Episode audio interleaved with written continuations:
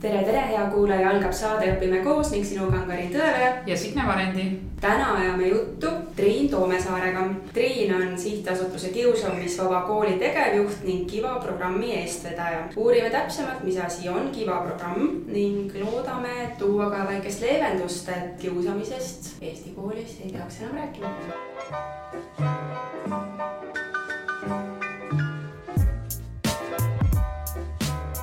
me hakkame kiusamisest rääkima ja ma olen aru saanud, et sina oled kõige õigem inimene, kellega rääkida, sest sa vead selliseid sihtasutusi nagu Kiusamisvaba Kool ja Kiva programmiga oled sa ka seotud. räägid sa meile nüüd sellest Kiva programmist kõigepealt? ja ma võin sihtasutusest ka kohe siia otsa rääkida, et nad on eh, omavahel eh, kenasti seotud, et eh, tõepoolest sihtasutus Kiusamisvaba Kool pakub siis Eesti koolidele teaduspõhist ja tõenduspõhist kiusuennetusprogrammi nimega Kiva. tihti kiputakse eesti keeles, mis on soome keelele väga sarnane, ajama väga segamini, et kõik kiusamisvastased tegevused on justkui kivad. ja nii nimetatakse ka meie organisatsiooni tihti kivaks. aga päris korrektne oleks siis väljenduda selliselt, et Kiva programm on Turu Ülikoolis välja töötatud kiusuennetusprogrammi nimi ja kõiksugu muud programmid, mis kiusuennetusega võib-olla ka tegelevad ühel või teisel moel, need ei ole kivad. ja kiva toetub teadusele, sellele, mida teadus kiusamise kohta on erinevate siis ajaetappide jooksul teada saanud, välja uurinud tagajärjed, põhjused, äh, lahenduskäigud nii ennetamiseks kui äh, sekkumiseks. ja Turu Ülikooli teadlased äh, võtsid kõike seda arvesse, kui Soome haridus- ja kultuuriministeerium ütles, et kuulge, meil Soomes on nüüd kiusamise ohvrite osakaal päris kõrge ja oleks vaja midagi ette võtta. Nad panid kokku programmi, mille sammasteks võib öelda, on siis ennetus, sekkumine ja on pidev mõju-uuring ehk siis kolm tugevat jalga. ja see kolm tugevat jalga mõnes mõttes eristabki seda programmi väga paljudest kõikidest äh, teistest rahvusvaheliselt saadaolevatest programmidest, sest väga tihti keskendutakse ühele neist ehk siis kas ainult ennetusele, ainult sekkumisele või siis lihtsalt äh, tuntakse huvi, et kuidas meil koolis selle asjaga on, aga midagi süsteemset äh, tegevuste mõttes sellele ei järgne. Need kolm sammast siis äh, kõrvuti aitavadki kiusamist vähendada see programm on väga mitmetahuline, kaasates siis kõiki võimalikke osapooli nii koolis sees kui koolist äh, väljas. ja mida ju teadlased välja toovadki, mis on kiusuennetuse jaoks oluline, on kooli terviklikkus me ei saa tegeleda ainult probleemsõlmega, vaid me peame vaatama kogu seda kooli ühe tervikuna. kui palju tänaseks me läheme vastu kaks tuhat üheksateist, kaks tuhat kakskümmend, kui palju on liitunuid, mis on Eesti kogemus? täna Eestis kasutab Kiva programmi üheksakümmend kooli ja õppekohta üle Eesti. kevadiste andmete põhjal see teeb äh, umbes kaheksateist protsenti Eesti koolidest. kui me alustasime äh, kaks tuhat kolmteist, neliteist õppeaasta oli esimene siis oli programmi kasutajaid kakskümmend kooli ja oli ka üheksateist kontrollkooli, sest et meie üks juhatuse liige Kristiina Treial muuhulgas siis äh, koordineeris ja viis äh, läbi sellist mõju-uuringut, et äh, võrrelda siis, kuidas nüüd Kiva programmi mõju on. Kiva kasutavates koolides ohvrite osakaal muutub kuidagi, langeb ta, nii nagu Soomes näiteks on langenud ja milline on siis mitte Kiva koolides ohvrite osakaal õppeaasta lõpuks. ja me olemegi siis kahekümnelt neljalt koolilt järk-järgult äh, kasvanud siis tänaseks äh, üheksakümneni. ja see ei ole selline ühtlane kasv olnud, äh, kuna me oleme kolmanda sektori organisatsioon, siis me toetume paljuski oma rahastuse leidmisel annetajatele ja kõikidele ettevõtjatele, kes on tahtnud meile appi tulla. ja ainult üks kolmandik meie eelarvest tuleb siis tänase seisuga riigilt. nüüd me viimaste aastate jooksul oleme ikkagi tahtnud lendusid suurendada ja uuest õppeaastast siis nende üheksakümne kooli hulgas on ongi kakskümmend kolm uut kooli, kes alustavad programmi rakendamist ja eelmisel aastal alustas korraga kakskümmend seitse. pürgime selle poole, et korraga oleks võimalik rohkematel koolidel alustada. aga mis on nende see motivatsioon liitumiseks, et kas on kooli käed jäänud lühikeseks, et nad peavadki tõdema, et jah, meie koolis on kiusamine, me ei suuda sellele ise piiri panna või see on pigem selline, et nad mõtlevad juba ette, ennetavad nii-öelda, et me peaks selle programmiga liituma, et meil ei tekiks mingeid juhtumeid? kõige parem koht kus koolil liituda on, kui on lihtsalt see tahtmine, et ennetaks. Kui liitumine tuleb sellise ähmiga, et appi meil oli nüüd eelmisel aastal nii palju kiusujuhtumeid ja me oleme jube hädas siis muidugi on sellest tööriistast ka sellisel puhul äh, kasu, aga siis võib-olla koolipere fookus on hästi palju nendel muredel, et saaks need ära lahendada. selline ennetuseks olulise vundamendi ehitamise energia, seda võib äh, jääda napiks ja tekib väsimus ja, ja nii edasi. et kui kool tõesti tunneb, et noh, ma ei tea, võib-olla me ei, ei märka piisavalt hästi, tundub, et justkui kõik on enam-vähem, et tahaks alustada ennetamisest, et see on võib-olla selline kõige turvalisem koht, kus äh, pihta hakata. muidugi ei tohi ajada segi õpetajate tunnetust kiusamise kohta, et äh, see, mida meie täiskasvanutena näeme, on tihtipeale hoopis teistsugune reaalsus, mis on laste jaoks. kiusamine ongi täiskasvanute eest äh, tahtlikult ja teadlikult paljuski varjatud. kui meile tundub, et kõik on jube-jube hästi, et lapse vaatest see ei pruugi üldse nii olla, nii et isegi kui on see tunne, et nüüd me hakkame ennetama, siis tuleb olla valmis selleks, et juhtumeid, millesse sekkuda, koorub ikkagi ka aga kas äh, see, et korraga on saanud nii vähe koole liituda, ongi pigem ikkagi selle rahastuse ja teie taga, et ei suuda pakkuda nii paljudele või koolid ei olegi nii-öelda nii suurt huvi tundnud, et nüüd viimasel ajal siis on hakatud rohkem huvi tundma? Äh, neid põhjuseid on mõlemal pool ajalooliselt olnud, aga valdavalt tõepoolest lihtsalt meie sihtasutuse võimekus pidurdab. mõnes mõttes on see jälle positiivne, et oleme pidanud kooli liitumisprotsessi päris hoolega läbi mõtlema, miks meil on ka näiteks äh, intervjuuvoor, me saaksime aru, kas kool, kes programmiga liituda soovib, on päriselt valmis selle muutuse läbi tegema või ta peaks veel natuke aega küpsema.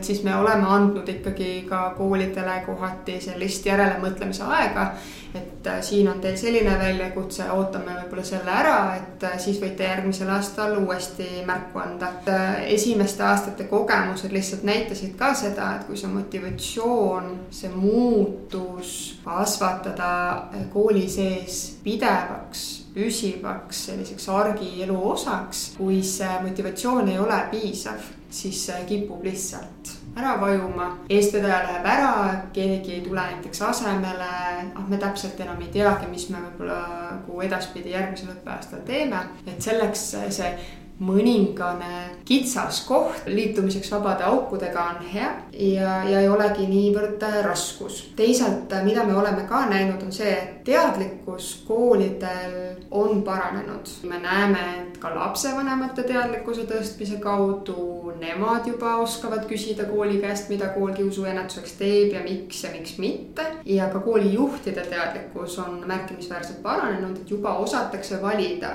kui ma nüüd midagi kiusuennetuseks tegema hakkan, mida ma siis täpselt ikkagi tegema hakkan, et kas see, kuhu ma oma õpetajate energia äh, suunan, on päriselt seda väärt või tegelikult kulutame lihtsalt kõigi energiat ja lõpuks mingisugust tulemust ei ole. õpetaja aeg on niigi napp, õpetaja koormus on niigi suur. koolijuhi käes on tegelikult need olulised hoovad öelda, et teeme asja, millel on tulemus, selle asemel, et niisama ise rapsida ja vaadata, äkki õnnestub mulle tundub, et neid algatusi ja programme ja liikumisi kuidagi tuli ühel ajahetkel nii palju uksest aknast sisse, millega liituda. Kohati jäigi tegevõpetajana tunne, et asja tehakse sellepärast, et saada see tahvel endale sinna seina peale või see pildike logoke sinna kodulehele, et me oleme liikuma kutsuv kool, kiusamisvaba kool, ettevõtlik kool, mis iganes kõik, et see on väga õige märkus, et kool kui organisatsioon mõtleks, mis on see, kuhu me tõesti oma energiafookuse suuname, et ei pea kõikidele algatustele linnukesi taha tegema. jah, see on juhtimise küsimus ka, miks meil on ka näiteks liitumisprotsessi üks osa on eraldi koolituspäev koolijuhtidele, et nad mõtleksid läbi, mis on prioriteedid. noh, mina ise tegevjuhina pean seda oma organisatsioonis iga päev tegema, sest et ressursse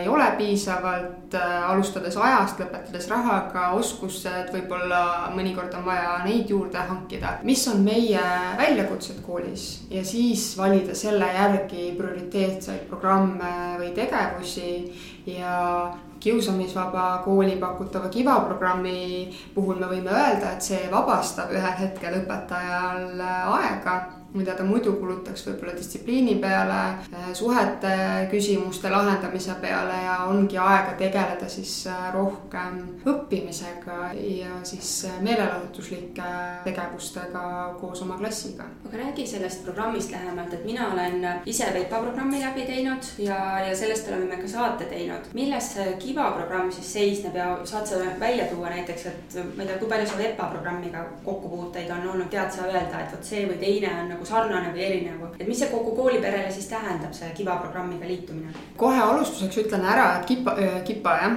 Kiva ja VEPA ei välista teineteist. Ja. ja me tegelikult olemegi VEPakatega teinud äh, oma koolidele suunatult ka sellise ühis väikese artiklikese, et äh, Kiva ja VEPA, kui on koos ühe klassijuhataja soov vedada, et siis äh, need on Kipa õpetajad.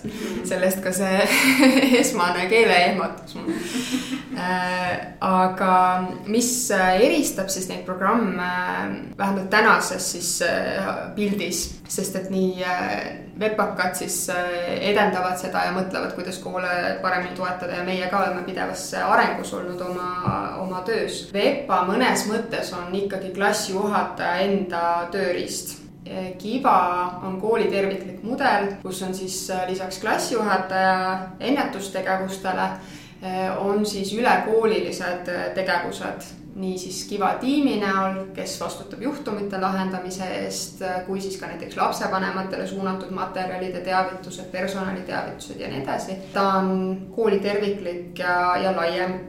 ja siis VEPA tegeleb kõiksugu käitumisoskustega ja väljakutsetega ja hästi palju sõltub sellest ka, mida klass ja klassijuhataja omavahel nagu peavad oluliseks kokku leppida. IVA keskendub kiusuennetusele ja muuhulgas siis õpetab äh, muud käitumis oskust, empaatiat sinna, sinna juurde, sest et äh, hästi käituda siis mitte kiusates, see tuleb lihtsasti välja. ja, ja saab ka näiteks tunnidistsipliini küsimusi vaadelda sellena, et kas mõni õpilane kes meelega äh, segab tunni siis kulgemist, äh, noh, kas võiks tema käitumist vaadelda kui õpetaja või klassikaaslaste kiusamisena. nii et näiteks sellised äh, erinevused tulevad mängu, aga nad toetavad teineteist, ehk siis kui koolis ongi näiteks mõlemad programmid klassijuhatajal kasutuses siis äh, VEPA elemente saab kasutada nendes Kiva ennetustundides, äh, mida tehakse ja Kiva siis põhimõtteid saab kirjutada näiteks VEPA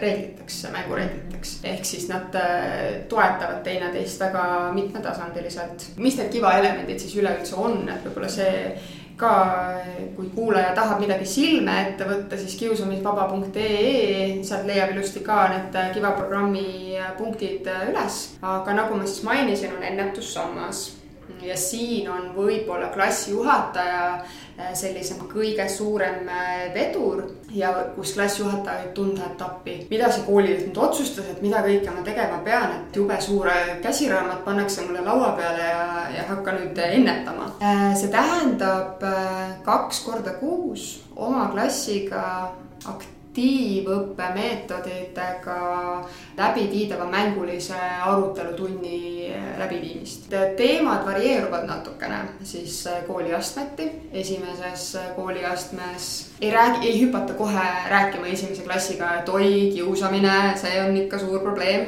kui ei ole näha, milliseks need suhted ju kujunevad. et alustatakse tunnetest, empaatiast räägitakse, mis on turvalisus, mis on ebaturvalisus ja alles seal kuskil jõulude paiku võib-olla jõutakse selleni, et räägime nüüd ka kiusamisest ja võib-olla on tekkinud juba esimesed äh, näited. ja, ja räägitakse kiusamise põhjustest, äh, lahendustest, fookus on kõrvalseis ja siis motiveerimisel ja talle oskuste andmisel kiusamise peatamiseks, sest mida uuringud ütlevad kiusamise kohta, see on grupisuhe. kiusaval lapsel on äh, endal ka mõnes mõttes halb olla, tema soov on parandada oma positsiooni grupis kui nüüd see grupp toetab sellist kiusavat käitumist, siis äh, kujunebki välja see mudel, kus ebavõrdsemal positsioonil olev laps ei suuda ennast kaitsta selle lapse ja tee kokkuvõttes kogu grupi käitumise eest, kus siis talle tehakse korduvalt ja tahtlikult äh, liiga. ja, ja kõrvalseisev vastutus tema käitumine hästi palju äh, mängib rolli, kas kiusamissuhe üldse saab välja kujuneda ja kui kaua see saab kesta, kui hulluks see saab minna, milliste lahendusteni jõutakse. Äh, kõrvalseisjaga tegelemine ongi üks põhifookusi kõikides kooliastmetes. teises kooliastmes tulevad näiteks eakohasemad teemad juba juurde, grupisurve, kus äh, laps siis hakkab teismeikka jõudes ühest küljest, temast tekib indiviid, aga teisest küljest ikkagi tema enda grupi käitumine on hästi-hästi oluline. kuidas hakata vastu grupisurvele, kui see ei ole näiteks kõigi suhtes tervislik ja räägitakse juba ka põhjalikumalt erinevat sorti kiusamistest, sealhulgas küberkiusamisest. jällegi õpitakse sekkuma ja kõigis kooliastmetes, et ei tekiks see tunne, et ohvriga üldse ei tegeleta, siis tegelikult ka nemad saavad teatud tööriistu ja julgustamist siis juurde selleks, et, et ka iseennast natukene võimalusel aidata. ja mis Eestis seni on olnud puudu, aga Soomes on olemas ja kohe-kohe Eestis ka on siis kolmanda kooliastme ennetustunnid, kus siis minnakse veel rohkem juba teismeliste jaoks tihtipeale elulisemate teemade juurde, räägitakse seksuaalsusest. muuhulgas tehakse väga erinevaid selliseid inspiratsiooniharjutusi koos klassijuhatajaga. võib mõelda natukene isegi, kes on kogenud psühhodraamat või teinud teinud mingisuguseid kuidas öelda, jäämurdjaid oma õpilastega, et mõnes mõttes need harjutused annavad klassijuhatajale võimaluse oma klassiga kasvada usalduslikku äh, suhtesse. et see ennetustundide fookus on siis klassijuhataja käes ja kaks korda kuus äh, see aeg tuleks siis leida. soovituslikult koolijuhi abiga muidugi, klassijuhataja ei leiaks ennast ühel hetkel olukorrast nii ma justkui peaksin neid tunde tegema, aga mul ei ole selleks kuskilt äh, tegelikult nagu ressurssi võtta. Äh, aga ennetuselemendid on ka näiteks plakatid koolide seintel, mida me koolidele võimaldame programmi osana, aga mida osad koolid on hakanud juba ka ise juurde tegema oma klassidega. Äh, on korrapidamissüsteemi läbimõtlemine, mille jaoks on võimalik kasutada siis meie poolt pakutavaid veste, aga kui need ei sobi korrapidamissüsteemi läbimõtlemiseks, siis kool saab ise mõelda, kui teadus ütleb, et vahetundides on oluline pidada silmas seda, seda, seda, kuidas meie siis omanäoliselt selle läbi mõtleksime. ja ülekoolilised infopäevad näiteks ka nendele klassidele, kes ei saa neid ennetustunde.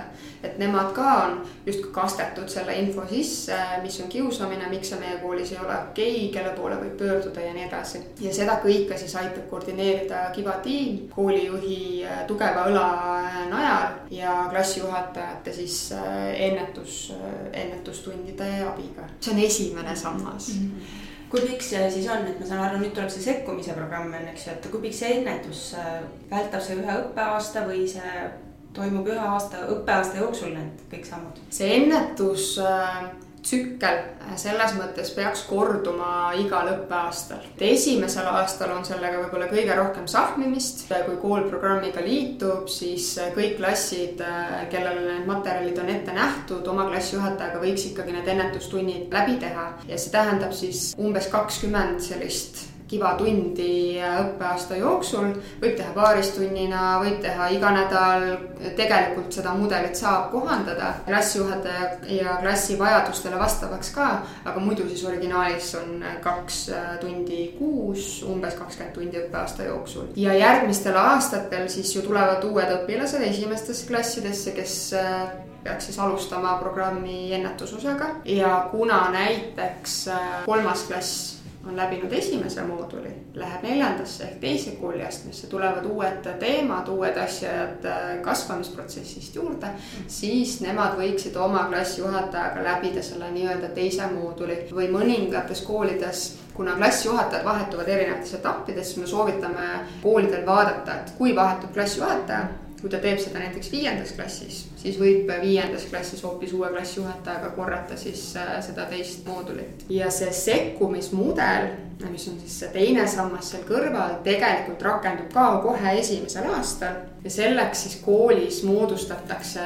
nii-öelda kiva tiim, mis koosneb umbes neljast mõnes koolis on võib-olla kolmeliikmeline, suuremates koolides on meil ka kuni kaheksa liiget Kiva tiimis. Nemad saavad siis meie käest vastava väljaõppe, kuidas lahendada juhtumit.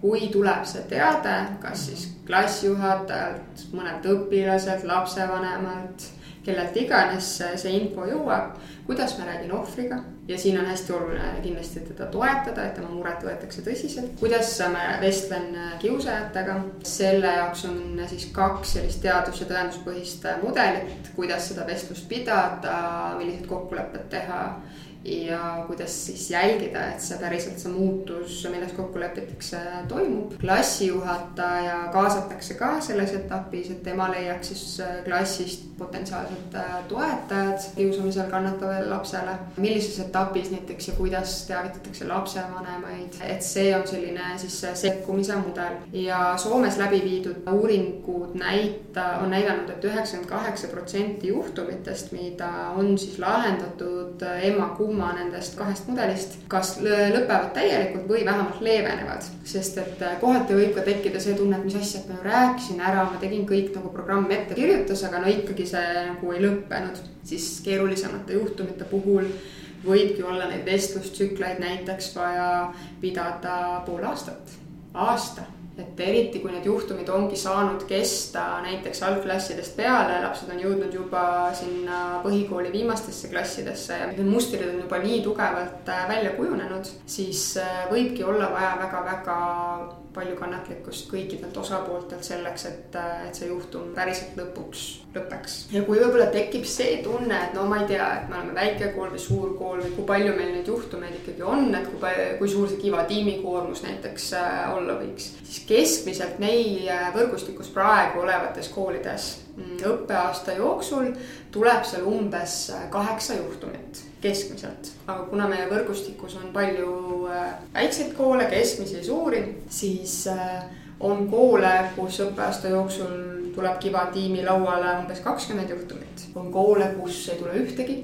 või tuleb üks-kaks. aga jah, keskmiselt ta jääb sinna kuskile alla kümne kiusamisjuhtumi siis aastas. ja mõnikord, äh, mis ka eriti lapsevanematele mõeldes on abiks, kuna Kiva programmi üks osa sekkumismudelis on ka sellised ankeedid, mille põhjal kool saab, ei ole kohustatud meie poolt vaadates, aga saab siis äh, analüüsida, et kas see juhtumi kirjeldus, mis minuni on jõudnud, kas see on kiusamine või mitte. ja kui näiteks äh, laps või lapsevanem on pöördunudki Kiva Kiva tiimi poole, et juhtus selline, selline asi, minu last kiusatakse, olukord selline. kui Kiva tiim kaardistab ära ja leiab, et see oli ühekordne konflikt või lihtsalt mingisugune arusaamatus, siis äh, ta tegelikult saab ikkagi usaldada selle lahendamise kenasti klassijuhatajale.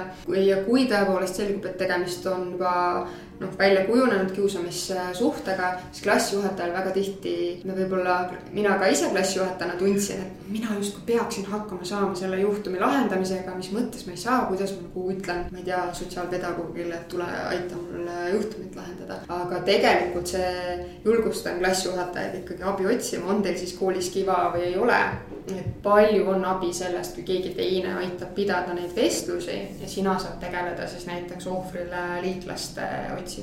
No minu kogemus oli ka üksinda proovisin sellist algklassidest juba sisse harjutatud mustrit lahendama ja mul läkski üks poolteist aastat julgelt, kui mitte noh, kaks aastat täiesti, kui ma nagu tundsin, et voh, nüüd ma olen kuskile jõudnud, et ma näen, et asi hakkab lahenema. Ja, ja siis tuli aeg, kui pidin jälle klassi edasi andma ära ja vot noh, et mis siis neist sai, vot ei tea, et küll oleks hea olnud, kui tõesti oleks selline meeskond, kellega koos, et ma kujutan ette, et see kiirendab lihtsalt seda protsessi, loodetavasti. jah, ja noh, selles mõttes ta annab äh, nii õpilastele kui lapsevanematele, aga ka klassijuhatajale palju laiema tugivõrgustiku, et kõik kõik, kogu see murekoorem ei ole ühe inimese vastutada ja tõepoolest, kui on erinevad osapooled ka, kes täiskasvanud äh, teevad tihti kiusamisolukorra võib-olla keerulisemaks, kui lapsed omavahel seda lahendades oleks äh, selle juhtumi ajanud. et siis, kui klassijuhataja peab veel tegelema emade ja isade tunnete ja, ja vajadustega, see koorem päris raske. nii et äh, kui koolis on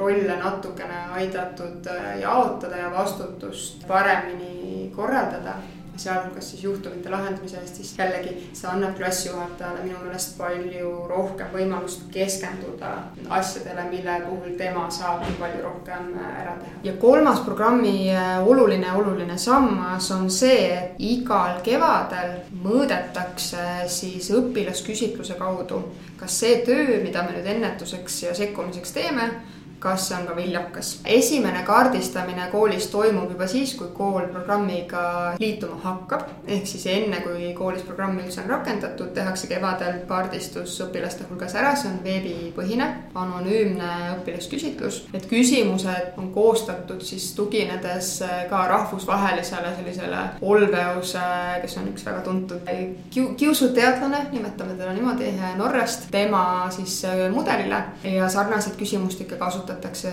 ja lävendeid kasutatakse siis rahvusvaheliste uuringute puhul ka näiteks. ja see annab siis ähm, koolile pärast koondvaate. täna Eestis vastavad kuni kuuenda klassi õpilased, tulevikus kuni üheksanda klassi õpilased kaasame sellesse küsimustikku ka loodetavasti juba uuest kevadest. Ja kool saab siis sellise koondvaate, mitte nüüd, et äh, ma ei tea, seda õpilast selles klassis kiusatakse ja see klassijuhataja ei ole piisavalt tööd teinud, vaid pigem äh, kool saab selle vaate, et esimestes klassides ohvrite osakaal ja kiusajate osakaal on selline, teistes klassides on selline, kuuendates klassides on selline. saab võrrelda siis äh, hiljem aastate lõikes, kuidas need on muutunud, mis annab siis võimaluse planeerida näiteks, et ahah, meil on näiteks neljandates klassides äh, tekkinud mingisugune ohvrite osakaalu tõus, mida tuleb ka ette, isegi kivakoolidest, äh, mida me peame näiteks uuest õppeaastast äh, tegema, arutame kõik neljandate klasside juhatajad koos läbi.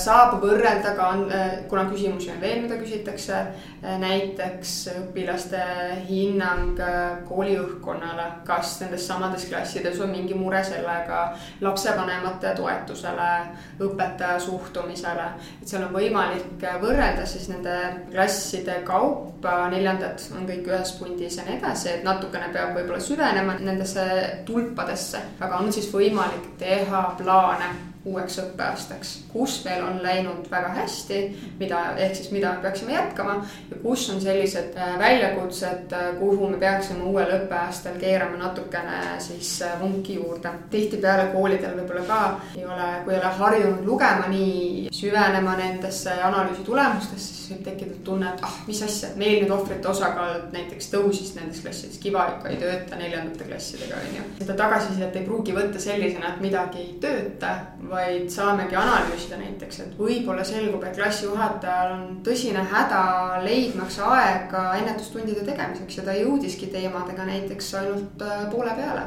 mis tähendab seda, et mingisugused oskused jäid äh, õppimata sekkumiseks või äh, ka ise kiusamisele vastu astumiseks. ja hoopis koolijuhi vastutus siinkohal on see, et ta leiab sellele klassijuhatajale järgmiseks õppeaastaks selle aja, et ta saab need enne ennetustunnid ikkagi läbi teha. ja, ja meie ise teeme nende küsimustike tulemuste põhjal siis sellise koondvaate, et kuidas Kiva programmil tervikuna Eesti koolides läheb ja saame, esitleme siis oma tulemusi lendude kaupa, et äh, samamoodi meie kodulehelt saab vaadata uudiste alt seda värsket äh, viimase kevade, selle kevade siis äh, tulemuste kokkuvõtet, kus on näha, et siis nendes koolides, kes olid nüüd kevadeks kuus aastat programmi rakendanud, ohvrite osakaal on tulnud järk-järgult igal aastal alla. Nad alustasid Eesti keskmiselt kakskümmend üks koma viis protsenti, siis äh, nüüd kevadeks olid nad jõudnud, nüüd ma peast ütlen, oli vist neliteist koma üks protsenti see ohvrite osakaal, nii et see vahe kuue aastaga on juba päris, päris suur ja see Kiva programm, et kool nüüd liitub sellega, et siis kõik klassijuhatajad liituvad või see on see, et keda kõnetab, et ütleme, et koolis on neli paralleeli, kaks lähevad kaasa, kaks ei lähe, see on okei okay, või peaks kõik minema, et kuidas selline keskmine? meie nii-öelda, ei taha öelda nõue, aga joon läheb sealt, et tõepoolest, kui kool liitub, siis äh, me juba ka vestluse käigus, me ikkagi ootame, et programmi rakendavad kõik klassid kelle jaoks see mudel on ette nähtud. ehk siis on mõni klassijuhataja, kes seda teha mingil põhjusel ei taha, et siis tuleks tegelikult nii koolijuhil, Kiva tiimil, kes on saanud pikema ettevalmistuse, natukene mõelda ja nuputada, et mis selle vastupanu põhjus on. Ja, ja siis äh, ka meid kaasates näiteks äh, püüda leida sellele vastupanule lahendus. sest mõnikord see vastupanu ka õpetajate puhul, nii nagu laste puhul, äh, peitub nendes samades asjades. peljatakse oskuste puudumist, on lihtsalt see tunne, et mul on niigi palju asju teha, mida te jälle mulle siia uusi programme või asju surute, ma lihtsalt ei jaksa ja mina ei tee. kui need küsimused saavad vastuse, siis üldiselt ei ole ka me enam seda vastupanu näinud või siis, äh, kui on näha, et kooliaasta alguses äh, üheksakümmend protsenti õpetajatest on ilusti tegema hakanud, jagavad oma positiivseid kogemusi, siis need, kes on venitanud selle alustamisega, tunnevad, et ah, proov, ma proovin ka siis. ja meil on klassijuhatajate jaoks isegi äh, veebikoolitus olemas, mida võib vabal ajal, tööajal mitte vabal ajal töö soovituslikult töö ajal läbida. õpetaja vaba aeg on ka puhkamiseks, siis aga endale sobival ajal lihtsalt saab selle läbida, et võib-olla ka siis klassijuhatajal tekkivatele küsimustele vastuseid saada. aga jah, kus me täna siis saame mõnes mõttes oma piiratud ressursside tingimustes ikkagi selle vahe nagu sisse tõmmata, on see, et kui kool ütleb, et ah, me tegelikult nagu kõigiga ikkagi ei tahaks seda programmi rakendada, et siis me ütleme, et teadus ütleb, et tulemused on kõige-kõige tulemuslikumad juhul juhul, kui programmi rakendatakse ikkagi kooliterviklikult ja et me täna annaksime teile aega aasta mõelda, et äkki te ikkagi äh, soovite kõikide klassidega seda programmi rakendada. vaadates nagu koolis ringi, siis mulle tundub, et äh, midagi peab muutuma, et võib-olla me panustame seal koolis nagu hullult palju nendele ainetele, aga meil on tegelikult vajagi selliseid programme, et nad on ennast tõestanud, nad on siin olnud juba pea kümme aastat, et kas ei oleks aeg, et need ongi riiklikult rahastatud ja õpetame paremateks inimesteks, kas see muudaks maailma? Maailma kui äh, mõelda kasvõi nendele väljakutsetele, mis kahekümne esimesel sajandil on tööturul ja ühiskonnas, jah, muidugi hea meelega kirjutan alla sellele, et kool mõnes mõttes aina enam peab õpetama inimeseks kasvamist, ühiskonna liikmeks, vastutustundlikuks kodanikuks kasvamist ja selle peale on alati võimalik siis ehitada mis tahes oskusi ja teadmisi erialaliselt, äh, aineliselt. mina täna ju ikkagi ka ja ma usun, et enamik inimestest, kes vähegi tunnevad, et soovivad edasi areneda ja, ja püüavad kaasas käia kahekümne esimese sajandi vajadustega ma täna ju püüan aidata ennast järele, et õppida käituma kaasaegses maailmas. asjad, millest äh, üheksakümnendatel, mil mina põhikoolis käisin, äh, ei osatud äh, mõelda või rääkidagi, noh, täna tuleb õppida käigu pealt. ja toona ei osatud rääkida ka kiusamisest või selle ennetamisest, et tuleb õppida ka seda käigu pealt. nagu Kiva programmi puhul me oleme nii õpetajate kogemustest kui ka uuringute põhjal näiteks näinud, et tegeledes empaatiavõime arendamisega, sotsiaalsete ja emotsionaalsete oskuste õpetamisega. et see mõnes mõttes sulle küll tundub, et sa panustad sellesse justkui aega millegi arvelt, aga kokkuvõttes sa võidad pärast aega just nimelt selleks, et rääkida eesti keelest ja kirjandusest, et teha, kui muidu läbi hammaste ja suure võitluse kaks matemaatikaharjutust, siis õnnestub teha tunni jooksul viis. see on investeering Äh, sellesse, et äh, teadmiste omandamine läheks palju libedamalt, kui ta võib-olla muidu läheks. ja noh, kui siin juba vihtimiseks läks, siis muidugi võiks kiusuennetusprogramm või läbimõeldud süsteemne kiusuennetus see ei pea olema ükski programm, aga läbimõeldud süsteemne kiusuennetus peaks olema riiklik prioriteet. sellele iseenesest on viidanud ka Riigikohus, kes on öelnud, et tänane põhikooli ja gümnaasiumiseadus ei ole piisavalt selge pannes koolile ja koolipidajale küll kohustuse tagada laste vaimne ja füüsiline turvalisus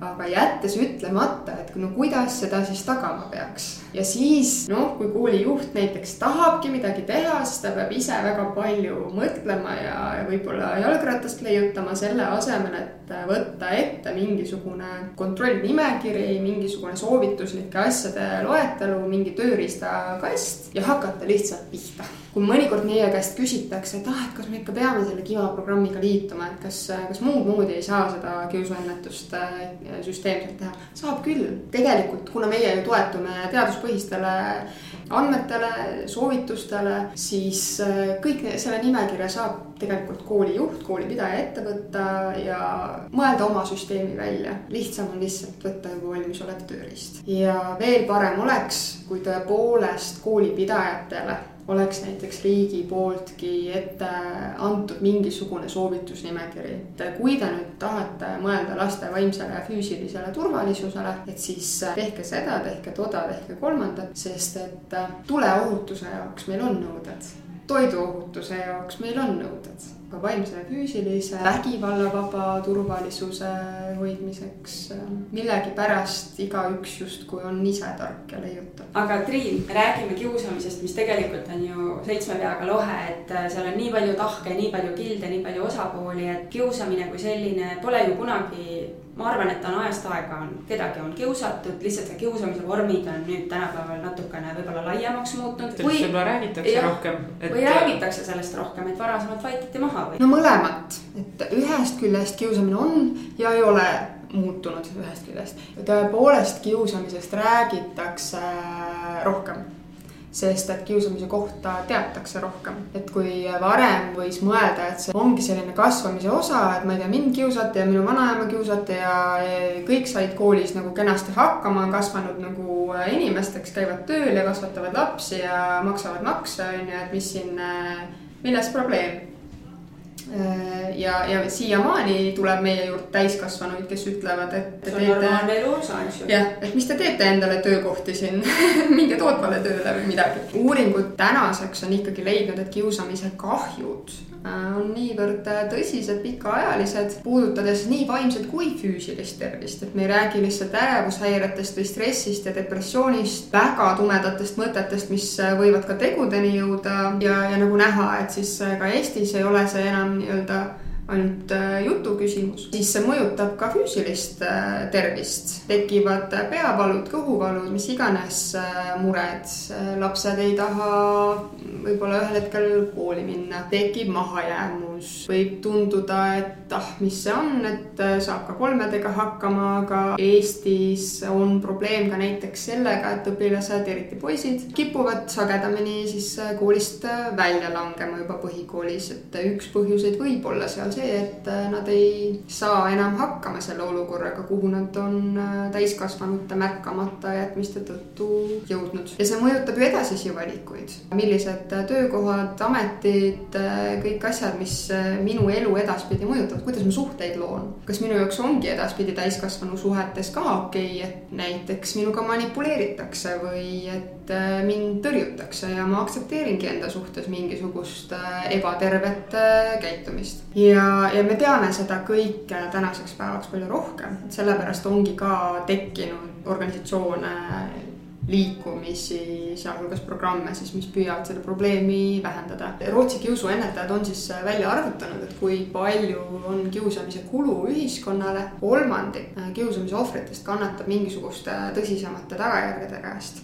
et see kulu ühiskonnale ulatub miljarditesse eurodesse ja see tähendab kulusid haridussüsteemis, see tähendab kulusid sotsiaalsüsteemis, tervishoid, justiitssüsteem ja nii edasi me teame täna kiusamise kohta palju rohkem ja, ja sellepärast me õnneks ka sellest märksa enam räägime. kiusamine on olnud inimeseks olemise või ühiskonna pahe ja ta jääb mõnes mõttes selleks äh, edaspidigi. kuigi meie missioon on ka teha Eesti koolid kiusamisvabaks, äh, siis äh, tuleb pigem arvestada sellega, et nullini ohvrite osakaalu viia ei ole võimalik, et see inimeseks olemise vajadus olla märgatud, saada tähelepanu olla tunnustatud, kasutada siis mõnikord selleks ebakonstruktiivseid viise et äh, see jääb. nüüd on küsimus just nimelt selles, et kas me suudame kasvatada järeltulevad põlved selliseks, et kõrvalseisjad sekkuvad õigeaegselt ja need äh, olukorrad ei saaks siis kasvada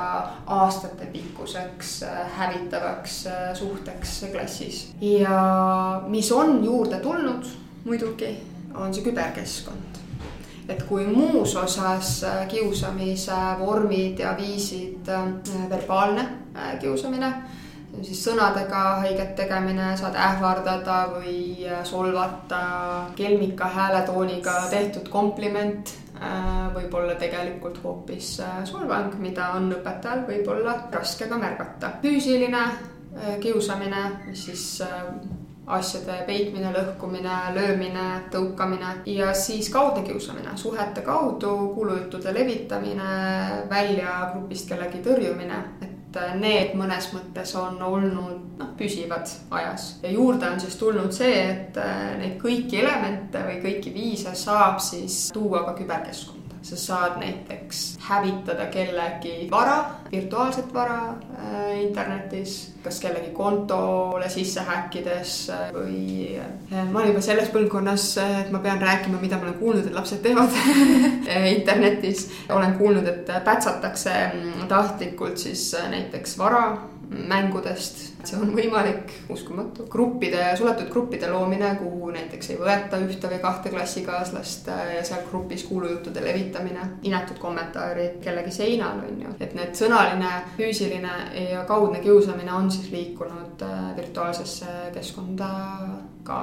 teadlased äh, lubavad rääkida ka seksuaalsest kiusamisest näiteks eraldi. meie küsimustikus ka nüüd teist aastat olnud siis küsimus seksuaalse kiusamise kohta, kuna need selle tagajärjed on veel tõsisemad, et kui palju siis lapsi Eestis seda kogeb, kümme protsenti õpilastest kogenud siis mingit sorti seksuaalset kiusamist kas siis verbaalset või ka füüsilist. ja sealjuures äh, poisid on kogenud seksuaalset kiusamist isegi rohkem kui tüdrukud. ja siin võib mängida rolli näiteks see, kuidas me suhtume ühiskonnana seksuaalvähemustesse ja eriti on ju märgata, et gei poistesse, gei meestesse ühiskond suhtub kuidagi tõrjuvamalt ja inetumalt kui siis äh, lesbidesse see kõik noh, mängib välja ka koolikeskkonnas. nii et täiskasvanute teemad, täiskasvanute välja elatud viha, see jõuab kooli seinte vahele aina enam, sest et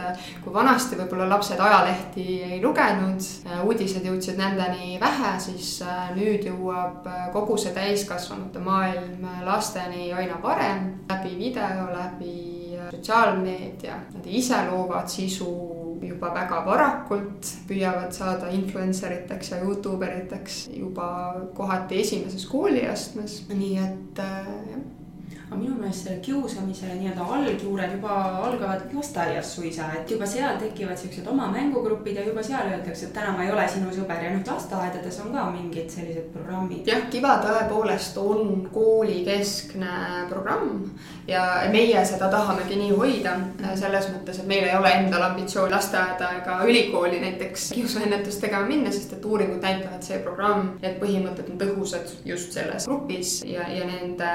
Nad on välja töötatud töötatud selle vanusegrupi jaoks. tõepoolest lasteaedades võib ka märgata juba sellist kiusavat äh, käitumist. ei tahaks nimetada lasteaiaealisi lapsi kiusajateks, sest et suure tõenäosusega nad ikkagi väga hästi veel ei saa aru, mm, mida nad äh, teevad ja seal äh, võib-olla on mingisugused lähenemised peaksid olema natuke teistsugused ja seda head tööd tegelikult teeb lasteaedades täna siis Lastekaitse Liidu pakutav Sõber karu programm, mida sageli tuntakse lillakaru järgi siis ära ja nimetatakse siis ka kiusamisest vabaks äh, lasteaed ja ka kool, sest äh, klassijuhatajal on võimalik äh, karudega tegutseda ka koolis, kui ta seda soovib aga noh, näiteks meie käest tihti küsitakse, et mis neid programme ka omavahel eristab, et Kiva programmil on siis näiteks see sekkumismudel ikkagi olemas ja mõnes mõttes see kooli terviklikkuse vastutus või, või kohustus, et ei saa klassijuhataja üksi teha seda otsust. meie oleme Signega algklassiõpetajad see on üsna tavaline, et esimene kohtumine vanematega on siis keegi ütleb, et teate, et meil oli lasteaias nii-öelda paha poiss ja kuivõrd sa näed seda, et vanemad ise on tõukejõuks. oma eeskuju kaudu eelkõige mõistagi mõjutavad seda, mis koolis toimub, kuidas kasvõi lapsevanemad omavahel arutavad kõva häälega, kas lapse kuuldes, kas teadlikult või teadmata, näiteks mõnda probleemset last koolis on ju, et äh, eriti väikestes kogukondades on see, et kõik ju kõiki väga hästi tunnevad ja kui sa räägid ikkagi oma lapse klassikaaslase vanematest või, äh, või muud moodi lähedastest, see ei jää ainult äh, koju et see suure tõenäosusega ikkagi liigub ka kooli ja sellepärast mõnes mõttes olekski väga palju abi ühiskonnale ka sellest, kui lapsevanemad ise mõtleksid läbi, mida nad räägivad, mis sõnu nad kasutavad millised on ka kodus nende võtted äh, konfliktide lahendamiseks, et kohati needsamad oskused ikkagi tulevad lapsega koos äh, kooli kaasa ja kui kodus on komme võib-olla kellelegi äh, midagi ine, inetust öelda või kedagi tõrjuda või saada oma tahtmist näiteks ühel või teisel vägivaldsel viisil, et siis seda õpitakse ja see, see tuuakse kooli. kiva üks element on ka töö lapsevanematega, mida siis äh, peaks eest aitama vedada kooli Kiva tiim koostöös koolijuhiga. meil on näiteks äh, mini, lapsevanematele suunatud miniõpik, mille leiab ka meie kodulehelt, aga mille saab siis äh, Kiva kooli lapsevanem endale koju ka paberkandjal kaasa, kus ta saab ise lugeda kiusamise kohta, kuidas toetada oma last ükskõik millises rollis ta on, olgu ta siis kõrvalseisja Äh, ise kiusamise all kannataja või hoopis kiusab laps. ja ka lapsevanematele suunatud teavitusüritused äh, on üks element, väga vajalik element õppeaasta alguses, siis muuhulgas kool saaks rääkida nendest õpilasküsitluse tulemustest rääkida korraks üle, kes on meie kooli kivatiim, mis on meie põhimõtted kiusamise ennetamisel ja peatamisel ja julgustada neid siis äh, seda miniõpikut lugema. Äh, aga kuna ka täiskasvanud ikkagi on paljuski laste moodi, siis paljud lapsevanemad võib-olla ei tee seda miniõpikut lahti, nii et meil on näiteks slaidid pakutud kooli, koolidele, mida nad saavad kasutada, et sedasama sisu mõnes mõttes kiiresti kokku võtta. ühe või teise asja kaudu ikkagi saavad selle info kätte, et äkki nad on natukene teadlikumad. ja see ei tohiks jääda ainult ühe õppeaasta siis ürituseks, vaid see peaks olema igal õppeaastal äh, korratav.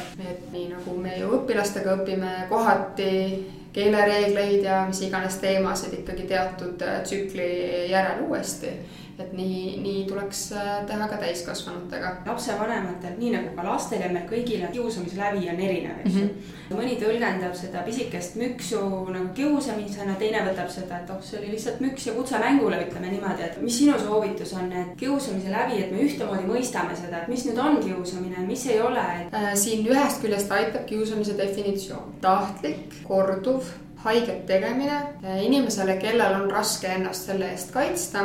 ehk teisisõnu, kiusamise all kannatav laps on mingil põhjusel ebavõrdsemas positsioonis. tal ongi kas vähem oskusi, vähem julgust, vähem sõpru klassis. mingil põhjusel ta ei saa nendele korduvatele tahtlikele haiget tegemistele vastu seista. ei olegi mingit võrdset joont võimalik tõmmata et äh, siit alates on äh, siis nüüd lapse enda nõrkuse küsimus, et miks ta ikkagi ära ei kannata, on ju, ja siit alates, kui me ikka nüüd selle lävendi ületame, et no siis on ta piisavalt tõsine. kiusamise kogemine ongi subjektiivne ja, ja see on midagi, mida me ühiskonnana mõnes mõttes äh, ka täiskasvanutena noh peaksime õppima aktsepteerima. mulle võib küll tunduda, et see on minu sõnavabaduse küsimus, et ma saan öelda, ma ei tea, ühele või teisele inimesele halvasti ja ta peaks selle lihtsalt alla neelama. aga kas see ikka peab nii olema või tegelikult me tahame empaatiliste olenditena öelda, et okei okay,, ma saan aru, kui ma sulle nii ütleksin, siis ma läheksin üle piiri, ma parem ei ütle niimoodi. ja näiteks laste puhul ka teatud lapsi, ka täiskasvanud, äh, tajuvad mingil põhjusel kiusajatena. kuigi laste käitumine või nende teod ei ole, eesmärk ei olegi olnud haiget teha, vaid see juhtus kogemata. aga mida ka uuringud näiteks viitavad, et teatud erivajadustega laste puhul eriti näiteks äh, ka autismispektri häirega laste puhul, võib tekkida selline tunne, et see, see laps kiusab, kuigi tegelikult see laps äh, oma häire tõttu ei suuda vahet teha, kust see, kust see piir läheb. või siis vastupidi, kuna ta läheb endast võib-olla kergemini välja, siis äh, võib võimu juurde tahtev või populaarsust juurde tahtev laps just meelega nii-öelda vaadata, et kui lihtsasti täna siis saab selle pindi äh, üle keerata. Kuigi võib-olla mõni teine laps ei reageeriks sellele üldse. nii et äh, me peame vaatama kiusamist mis tahes diskrimineerimist või ebakohast käitumist ikkagi ohvri silmade läbi ja aktsepteerima seda, et see on subjektiivne. ja kui ma ikkagi ka täiskasvanuna kahtlen, kas ma nüüd äkki ületan mingi piiri, et siis ära ületa seda piiri. et seda me tegelikult ju peaksimegi ka lastele õpetama ehk siis kuulame üksteist ja võtame selle nõrgema positsiooni. jah, kui minu käitumine teeb haiget, ma saan valida teistsuguse käitumise, siis ma võiksin valida teistsuguse käitumise muidugi, äh, kes tahab, see saab mõelda need suhted väga keeruliseks ja kompleksseks, et me võime kasvõi koduvägivallani välja minna, et on ju, et kui minu lahkumine vägivaldsest suhtest äh, teeb mu paarilisele väga-väga haiget, et siis ma justkui ei võiks sellest äh, suhtest lahkuda, et ei, see ei tähenda seda mm. -hmm. absoluutselt mitte. inimestena me ikkagi valdavalt saame teha eluterveid valikuid oma käitumismustrites ja see on see, mida me peaksime õpetama õpetajana on sul sellised kogemused, kus koolipäeva jooksul on laps väga rõõmus, väga õnnelik, võib-olla oli seal mingisugune juhtum, see lahendati ära, kõik on korras, aga siis tuleb õhtul see kõne lapsevanemalt, et minu last kiusatakse koolis, mis teil seal toimub, et see lapse läbi võib-olla on erinev koolis, võib-olla erinev kodus, võib-olla see vanem nagu võimendas üle, et kuidas need jooned nagu tasakaalu viia. no kui näiteks koolil on see süsteem paigas ja läbi mõeldud, kuidas me juhtumite lahendamisega tegeleme mm -hmm. ja õpetaja õpetaja ongi kenasti mudeli järgi tegutsenud ja see ähmitäis lapsevanem helistab ja ütleb, et mina nüüd kuulsin, mis mu laps kõik rääkis mulle täna, mis koolis juhtus. et siis klassijuhatajal on palju lihtsam rahu säilitada ja öelda, et tõepoolest oli selline asi Äh, me tegime seda, seda, seda. Iba tiim on näiteks äh, pidanud vestlused, mulle teadaolevalt on asjad kokku lepitud selliselt või siis näiteks äh, mina hetkel ei tea, kuidas olukord on, et Kiva tiim saab siin kindlasti nagu täpsemini rääkida. saabki need asjad ka klassijuhataja jaoks seda stressi nagu vähemaks, et mida ma siis ütlen sellele lapsevanemale, kui ta helistab, et siis sa tead meie mudel on selline ja näiteks äh, oleme toiminud selliselt või ka kui ei ole jõutud, näiteks see info ei ole jõudnud klassijuhatajani, siis ka kui see harjumus on juba kooli sees tekkinud, et meil on kindel muster, kuidas me juhtumeid äh, lahendame, et siis klassijuhataja ise saab alati selle stressi endal uuesti maha võtta, et ahah, väga hea, et helistasite, et äh, võtan kohe ankeedi lahti ja, ja ka võib-olla ajan lapsevanemaga näiteks näpuga järge, kuidas edasi tegutseda. aga tõepoolest, meil tuleb ju laste puhul arvestada sellega, et nende aju ei ole veel välja arenenud ja mõnes mõttes aju ju areneb äh, ka kahekümnendates. ja, ja tänapäeva ajuteadlased ütlevad, et uued ajurakud tekivad äh, ka pärast seda ja siis ähm, tõepoolest emotsioon võib tulla, minna muutuda ja täiskasvanute vastutada on siis äh, see, mida selle emotsiooniga pihta hakata. võimalusel muidugi mitte emotsioone juurde tekitada, pigem siis võiks koos lapsega mõelda, selleks on näiteks Kiva miniõpikus soovitused. Just nimelt, kuidas lapsega pidada neid vestlusi, kui nüüd äh, tuleb see teade lapselt endalt või koolist näiteks, et oli kiusamisjuhtum, mida ma siis tegema pean.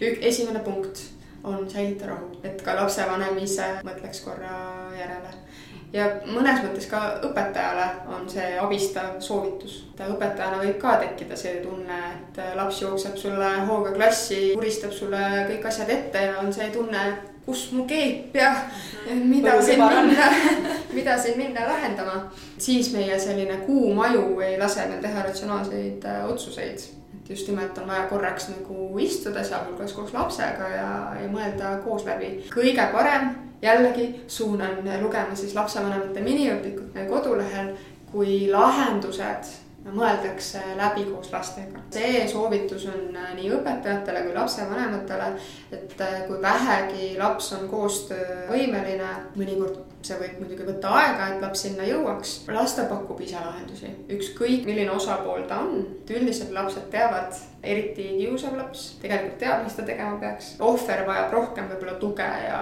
ja koos mõtlemist, äh, kuna tal on see ebakindluse probleem võib-olla suurem, et siis äh, mõelda koos. pigem püüda mitte käituda vastupidiselt lapse tahtmisele. kui laps ikkagi ei taha et sa läheksid näiteks teise osapoolega ise rääkima või teise osapoole vanemate juurde rääkima. et siis äh, kuula oma last kas sul on veel soovitusi võib-olla eelkõige just õpetajatele, kes noh, tunnevadki, et ma tahaks selle programmiga liituda, aga kuna kool veel ei ole tervikuna valmis, ei saa, et, et aga tahaks juba midagi nagu ära teha. käega ei maksaks kindlasti lüüa, et ah, mis nüüd mina üksinda, et ma ei tegele siis üldse. klassiõpetajal äh, algklassides on kindlasti äh, kõige lihtsam, kuna siis neid võimalusi erinevates ainetes äh, just nimelt jutustuste kaudu ka on ikkagi äh, rohkem, äh, kasvõi kirjanduse kaudu, filmide kaudu, kunsti kaudu on võimalik äh,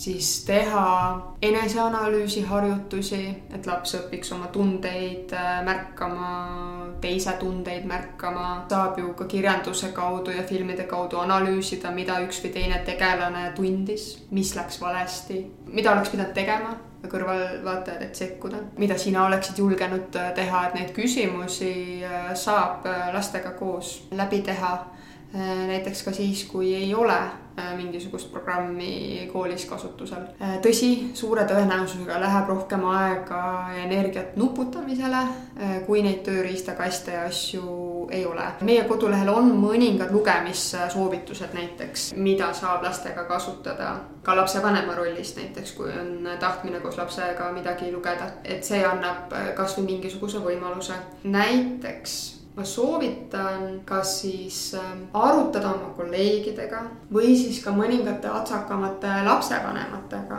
et kuulge, et meie koolis nüüd ei ole mingisugust kiusuennetusprogrammi.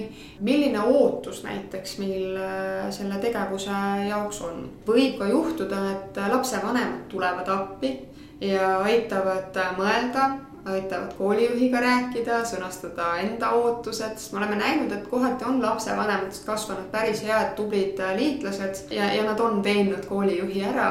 et äh, tõepoolest ühe või teise programmiga võiks vähemalt katsetada, et vaatame siis, mis edasi saab. ja meilt saab äh, iseenesest tellida ja uurida ka siis mingisugust sellist sissejuhatavat koolitust. et kui näiteks ikkagi ei ole seda teadmistunnet või tahtmist kohe millegagi liituda, et saab tellida sellise sissejuhatava koolituse kiusamise teemasse ja siis teaduspõhistesse soovitustesse, mille põhjal te saate siis ise teha selle otsuse, et kas me mõtleme ise, kuidas me toimetame või püüame kasutada mingit olemasolevat tööriista. ja kes tunneb, et ta tahab ise nokitseda, siis mind näiteks aitas ka eestikeelse kirjanduse lugemine kunagi, kui ma selle teema juurde jõudsin. tegelikult on eesti keeles ka kiusamise teemalist kirjandust juba täitsa olemas. ühe raamatu pealkiri on Võitlus koolikiusamisega ja teise raamatu pealkiri on Kiusamisest koolis. mõlemaid raamatuid võib-olla praegu tuleks lugeda natukene reservatsiooniga, et osad uuringud on juba vananenud ja on tulnud peale uut teadmist. aga laias laastus need soovitused ja põhimõtted äh, koolidele on äh, ja õpetajatele on samad. nii et äh, kui on selline tunne, et tahaks teemast rohkem teada, koolitusele ei viitsi minna, aga tahaks lugeda, et siis sealt saab ka sellist esmainfot infot ja võib-olla ka mõningaid mõtteid, kuidas siis klassijuhatajana edasi tegutseda. aga kui midagi alla joonida, et siis äh, see tunne et minu klassis on kõik hästi ja ma võib-olla ei peakski midagi tegema, no pigem on petlik. et minul oli ka klassijuhatajana see tunne, et nagu mina ikka kiusamist näen, küll mina sekkun ja lahendan kõik asjad ära, aga tegelikkuses ma ikkagi ei näinud mitte midagi ja need juhtumid, mis, mis võib-olla karjusid näkku ei olnud tegelikult kiusamise juhtumid, vaid olid pigem ühekordsed konfliktid, mida ma siis äh, saingi kenasti äh, ära lahendada või mis lahenesid pärast kiiret vestlust koheselt. aga need kiusamise aktid või, või teod tihtipeale on ikkagi täiskasvanu eest nii varjatud, eriti juba teises-kolmandas kooliastmes, mistõttu see tunne suure tõenäosusega on petlik. Võib-olla on kasu mõningast ühisest eneseanalüüsist või kui lasta ka õpilastel kirjutada ennast tühjaks kooli rõõmu teemal või äh, murede teemal äh, kirjandusõpetajatel. kuna ma ise olin kirjandusõpetaja, siis see võimalus on muidugi suurem. Äh, matemaatiliselt ma ei ole kindel täpselt, kuidas seda, seda laste käest kätte saada, aga klassijuhatajana ilmselt ikkagi ühe või teise mooduse leiab kas või sotsiaalpedagoogi ja koolipsühholoogi kaasates, sest et neil nende võtete pagas tegelikult äh, ju on olemas. ma alati mõtlen seda, et kui halvasti võib tunda see inimene, kes kunagi on kedagi kiusanud. jah, üldiselt ikkagi on meeles inimestel mm. oma kogemused, ükskõik siis äh, millisest rollist, et kui kasvõi kuulata tõepoolest täiskasvanute mälestusi koolis, kogetust jällegi ükskõik millises rollis äh, nad olid, et need asjad on äh, meeles. Ja tihtipeale jah, neil, kes on kiusanud, on nagu pigem piinlik, tahaks käituda teisiti, aga noh, mis äh, ka kohati täiskasvanutelt jääb nagu kõlama, on see, et no mis asja, et kiusaja peab oma karistuse saama ja et kui ta on ikka nii halb inimene, et siis äh, siin ei olegi muud võimalust. et mõnes mõttes nii nagu kiusamise ohvriks võib sattuda igaüks, võib ka kiusajaks sattuda meist igaüks kui grupisuhted seda toetavad, kui me ei olegi saanud mingisuguseid teistsuguseid oskusi näiteks, et äh, tõrjumine see on kõige sellisem lihtsam ju kiusamise viis, et sa ei peagi praktiliselt mitte midagi selleks tegema. sa teadlikult ei teegi mitte midagi selle jaoks. kui on selline tunne, et ah, mis asja, et mina ei ole kunagi kiusanud, siis suure tõenäosusega igaüks meist on kedagi kunagi eiranud teadlikult ja tahtlikult talle liiga tehes. Nende kogemustega on tagantjärele võib-olla raske leppida, aga kui karmavõlga tahate maksta, siis kiusamisvaba kool ootab ka annetusi väga hea. selles mõttes teeme tulevaste põlvede jaoks siis, siis kõik korda. ma mõtlen seda ka, et mis ma nagu jällegi õpetajana ja lapsevanemana näen, et äh, lapsevanemad äh, võiks olla ka avatud selles mõttes, et mitte kohe asuda kaitsepositsioonile, kui tuleb mingi signaal, et, et tema laps on äh, kiusanud kedagi mm, -hmm. et mhm. ikkagi kuulata ka ära et.... suure tõenäosusega lapsel on mingi mure, kui ta on ise kiusama sattunud. ehk siis ta tahab mingil põhjusel saada grupi toetust ja ta ei saa seda siis konstruktiivsetel viisidel, näiteks äh, vedades midagi eest või tehes häid nalju või äh, noh, mis iganes äh, põhjusel ta ei ole leidnud neid õigeid tervislikke võtteid tähelepanu populaarsuse positsiooni saamiseks. teda tuleks ka tegelikult selle juures aidata. kõigepealt peab peatuma kiusamine, mis praegu on välja kujunenud aga sealt edasi see laps ikkagi ka vajab noh, mingisugust äh, siis tuge, et kuidas ma saan äh, seda tähelepanu janu siis äh, teisiti täidetud. Et öeldes lihtsalt, et, et lõpeta, aga jättes võib-olla tema vajaduse rahuldamata, et see, ta võib lihtsalt minna siis järgmise ohvri juurde näiteks ma sain natukene kinnitust su jutust, et tõesti, et ma üksinda võin seal pusida, aga, aga elu läheks natukene lihtsamaks, kui ma ikkagi saaksin oma kooliperega liituda selle programmiga. et mis sammud ma siis ette pean võtma, et ma saaks liituda?